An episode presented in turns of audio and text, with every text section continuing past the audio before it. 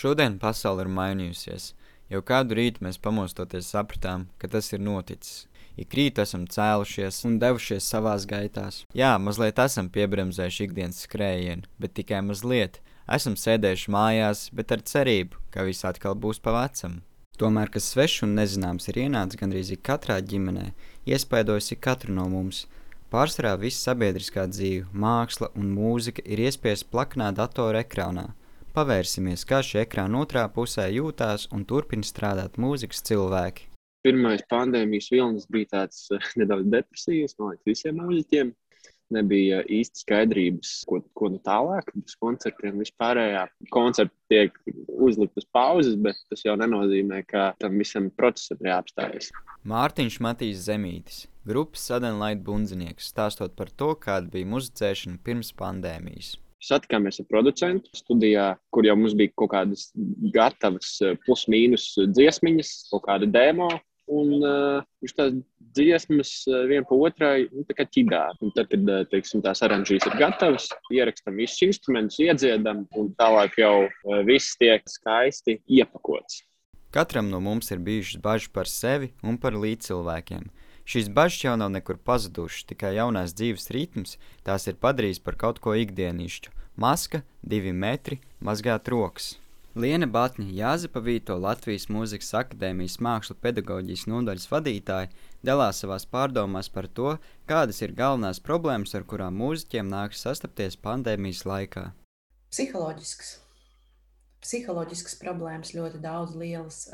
Tas, kad cilvēki mūziķi kļūst nomākti, Ja, jo viņam ir vajadzīga šī izpausme, izpausties. Paši mēs zinām, ka ļoti svarīgi ir, kad mums ir kam nodot savu šo talantu, šīs savas prasmes, zināšanas, muzikalitāti, kas ir pretī cilvēks, kurš to novērtē un veido šī emocionālā apmaiņa. Arī Mārtiņa personīgā mūzikas izvēle ir mainījusies tieši pandēmijas dēļ. Klasiskā mūzika. Sāk to vairāk klausīties. Varbūt tāda tiešām tāda nedaudz depresīvāka mūziku, kā jau man liekas, ļoti daudziem patīk tādas šim laikam atbilstošas, tādas ba balādes vai, vai, vai kaut kas ļoti raudulīgs. Jā. Liena stāsta par to, vai pandēmija ir nozīmīgs pieturas punkts mūzikas maiņas procesā. Nedomāju. Es domāju, ka viss miksēsies ar iepriekšējo. Tā mūzikā vienmēr ir bijis.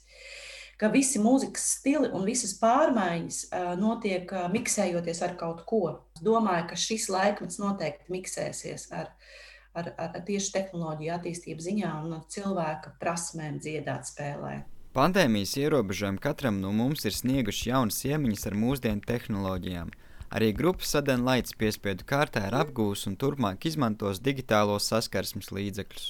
Mēs uh, grupas sapulces uh, pasākām taisīt zumā. Es domāju, ka mēs to arī darīsim pēc Covid, lai vienkārši iekonomētu to laiku. Protams, var, nu, acis pret acis vienmēr ir uh, patīkamāk un foršāk un tā, bet uh, laika ekonomija tā būtu ļoti milzīga, ja visas sapulces notiktu zumā. Agrāk bija tā, ka mēs speciāli braucām tur visi uz studiju, kaut ko tur paši pielabojām, dziesmām, ierakstītajām. Tagad ir tā, ka katrs no mājām ar kompīti var darboties. Tā kā jā, ir ļoti daudz, man liekas, ļoti vērtīgas lietas, ko mums Covid ir iemācījis.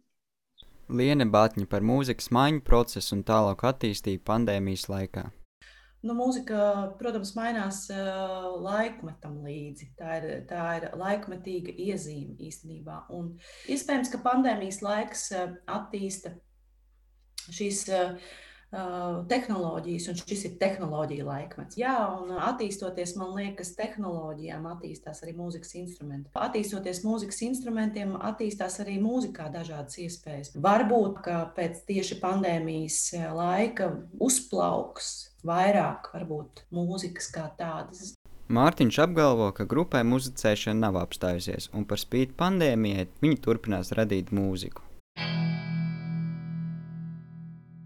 Es atceros, pagājušā vasara bija jau tāda seja, ka Covid beidzies, tad palaida visus tos ierobežojumus daudz, daudz vaļīgākus, un tad jau notika nu, gluži ne pozitīvs vai samersauns, bet nu, bija nu, tādi mazi pilsētas svētki. Un, un, tādi pasākumi. Lai gan koncertēšana un pulcēšanās ir uz nenoteiktu laiku aizliegta, Mārtiņš un grupa ir atraduši veidus, kā saliedēties un turpināt radīt mūziku. Mēs ļoti labi adaptējāmies tai visai situācijai. Un mēs vienkārši turpinājām tajā brīdī uh, strādāt pie jaunas mūzikas, uh, savākties uh, kopā, cik nu mēs tur varējām braukt prom no Rīgas uz uh, laukiem un tur uh, vienkārši cept jaunas idejas, dziesmas. Protams, mēģinājām ar visiem uh, ievērot visus drošības, uh, drošības pasākumus un uh, arī tieši tie paši ieraksti mums notika arī ar, ar producentiem tieši maskās. Un, mēģinājām maksimāli izvairīties no, no klātienes, nu, tikties. Labāk kā, visu darīt no mājām, cik tas ir iespējams. Tagad jau ir diezgan pierast, pierast tā lieta. Liene par to, vai no vēstures puses ir saskatāmas kaut kādas līdzības mūzikas maiņas procesā ar pašreizējo situāciju kāds konkrēts posms, kurš atspoguļojas 21. gadsimta ikdienā, vai saiknes ar mūsdienām? Es uzskatu, ka 80. gadi mūzikā, teiksim, populārajā mūzikā, ja mēs šobrīd runājam par populāro mūziku, tad tā ir ļoti bagātīga mūzika. Es šobrīd domāju, ka daudz arī grib Pink Floyd pakopēt mazliet. Tie, kas klausās Billie Eilish, piemēram, šobrīd arī, jā, kas ir ļoti arī populāra. Viņai atkal šī mūzika ir ārkārtīgi depresīva un, un, un, tāda vientuļa. Un, e, patiesībā viņa tādā, tādos apstākļos, kā mēs šobrīd dzīvojam, ir dzīvojusi visu savu mūžu. Ja, viņa dzīvojusi ir e, noslēgtā vidē, tad mēs varam iedomāties, e, kā, kā ir tiem cilvēkiem, kas dzīvo mājmācībā, vai, piemēram, cilvēki, kuri dzīvojuši kaut vai, pieņemsim, renesanses vai baroka laikā pilī, kur viņi nevarēja iziet ārpus telpām. Ja. Nav nemaz tik vienkārši īstenībā.